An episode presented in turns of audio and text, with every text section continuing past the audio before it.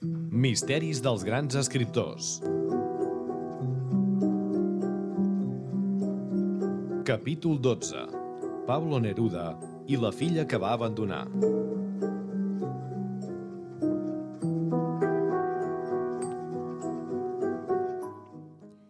Què ens has d'explicar d'en Pablo Neruda?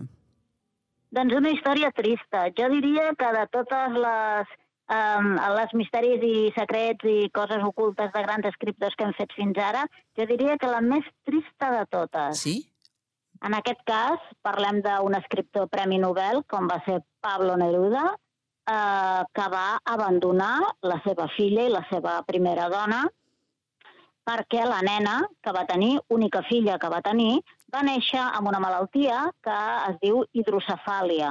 És Ah. una malaltia que fa que no es reguli bé el pas de l'aigua pel cervell i que fa que actualment, actualment ja fa uns anys, ja fa bastants anys, que aquesta malaltia es pot operar, es pot posar una vàlvula que regula el pas de l'aigua al cervell, en fi, que, que es pot arreglar en temps en què va néixer la seva nena, que es deia Malva, Uh -huh. això no, no tenia remei i els nens acabaven morint, els hi creixia el cap desmesuradament i acabaven morint eh, i no es feien, no, no es convertien en adults. I no es podia, no es podia curar. No es podia curar, no hi havia manera de drenar Mhm. aquesta aigua del cap. En fi, ens remetem primer de tot um, qui, era la, qui va ser la mare i primera dona de Pablo Neruda, Uh -huh. um, era una senyora, que he vist una foto, una senyora molt guapa, que es deia Maria Hagenar Vogelsang, i Pablo Neruda li va posar un, un sobrenom, que era Maruca, Més, i més i bé, curtet, eh? um, Mm. amb ella, um, amb la Maruca, Sí? que va néixer a la illa de Java, una cosa super exòtica, no? Sí? Li deien Maruca o la javanesa, perquè Mhm. havia nascut allà. Um, era, segons les pròpies memòries de Pablo Neruda, va dir que era una dona molt alta, que feia 1,80, que Uh. era molt suau, que no pertanyia en res al món de les arts i de les lletres, i eh, bé, tothom sabia que amb ella, quan Neruda era cònsul de Xile a Java, doncs eh, feien moltes festes i portaven una vida molt bohèmia, que era el que li agradava amb ell. A ella no tant. No tant. La vida social aquesta no li anava tan bé. No li anava tan bé. Aleshores, um, bé, amb ella va néixer la Malva el 18 d'agost de 1934 en un hospital de Madrid. A la família li deien a la nena Malvita i quan va néixer, Neruda no va ser conscient de la gravetat de la malaltia de la nena, um, perquè ell, quan, uh, quan la primera vegada que la va veure, doncs va dir uh, que meravella, no? Li semblava que la nena... Però clar, a mesura que va anar passant el temps, que la nena li va començar a créixer el cap i que es va donar compte que no caminava i no parlava, doncs aquí va ser quan no ho va acceptar. Ja, com anar veient els símptomes no va ser capaç d'assumir-ho, no? Ah, això mateix. Um, entre les uh, frases que, que se li atribueixen, se li atribueixen perquè les va deixar escrites en algunes cartes que uh, escrivia a, a les, als seus amics o a les senyores amb les que es relacionava, perquè Pablo Neruda es va relacionar amb moltes senyores, Sí? doncs deia d'ella, de la seva filla, Sí? que era un ser perfectamente ridículo, una especie de punto y coma y una vampiresa de 3 quilos. Ui, com el podia definir així? Imagina't.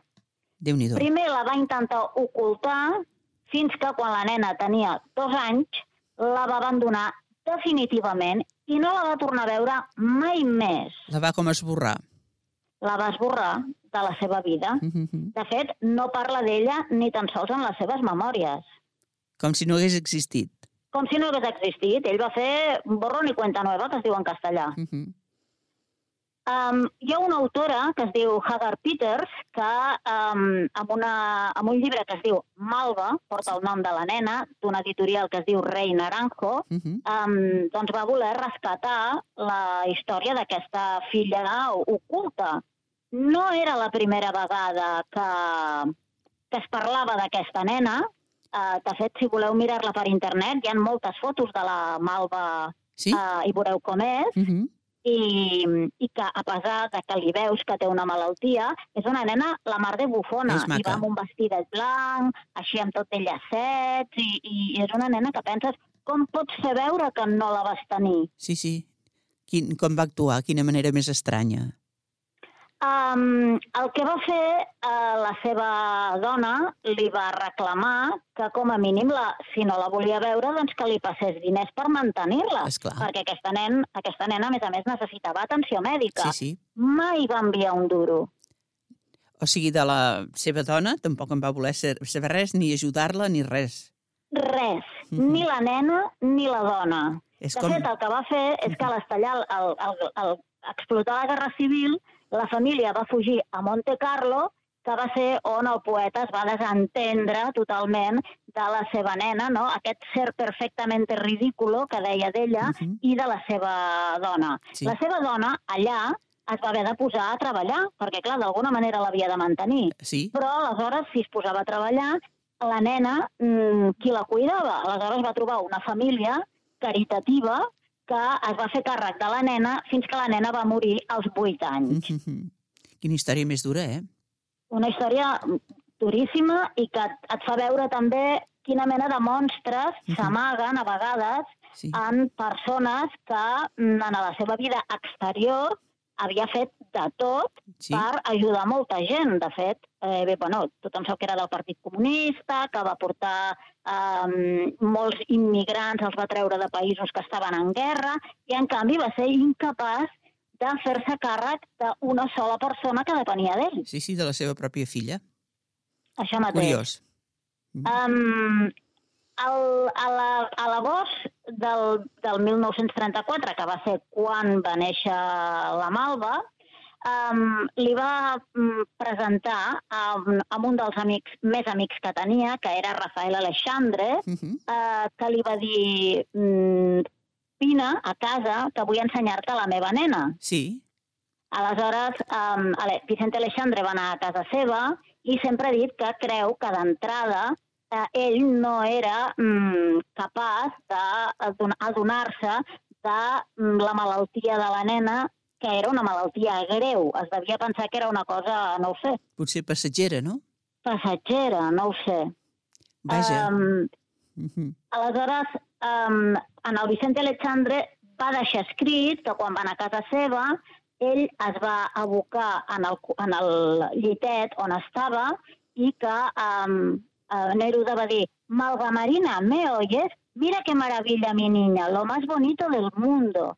Aleshores, l'Alexandre es va apropar i va dir, va deixar escrit yo me acerqué del todo y entonces el hondón de los encajes ofreció lo que contenía una enorme cabeza, una implacable cabeza que hubiese devorado las facciones, una cabeza crecida sin piedad, sin interrupción, hasta perder su destino, una criatura a la que no se podía mirar sin dolor. Mhm. Va patir. Va patir i, en canvi, Neruda en aquell moment no se n'adonava. Jo no sé si és que es pensava que allò es desinflaria sol i que la seva nena seria com les altres. Possiblement. Realment tot un misteri, eh?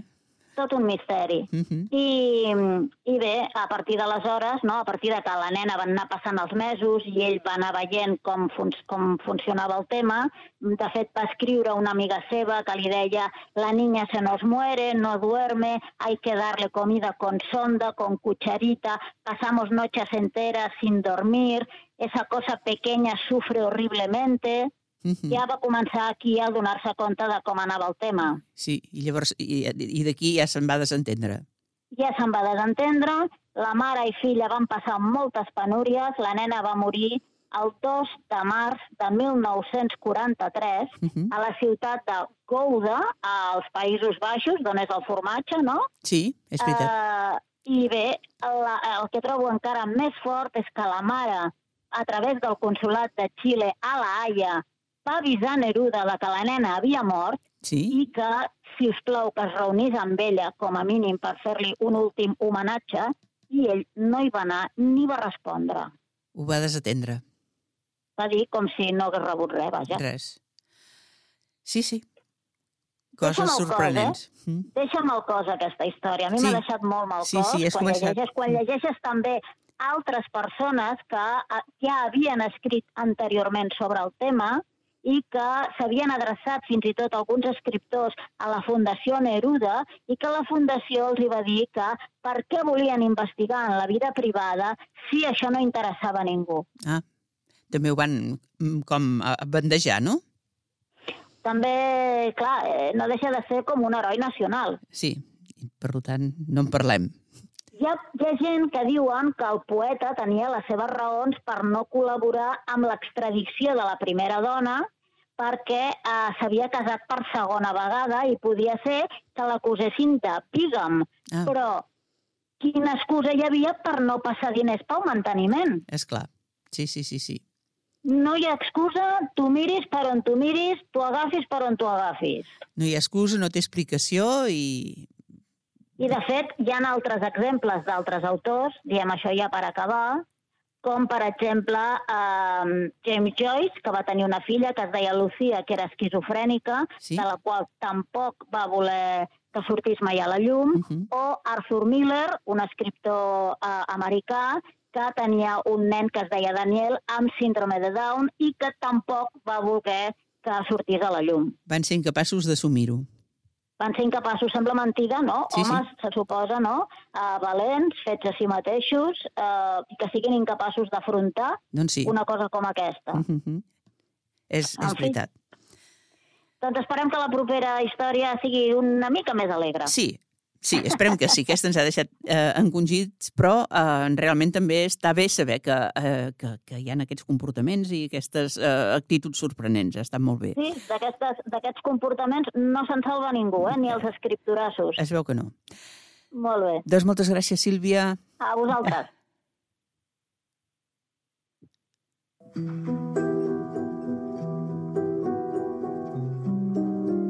Misteris dels grans escriptors, amb Sílvia Gené i Dolors Pinactelli. Una producció de Ràdio Tordera per la xarxa de comunicació local.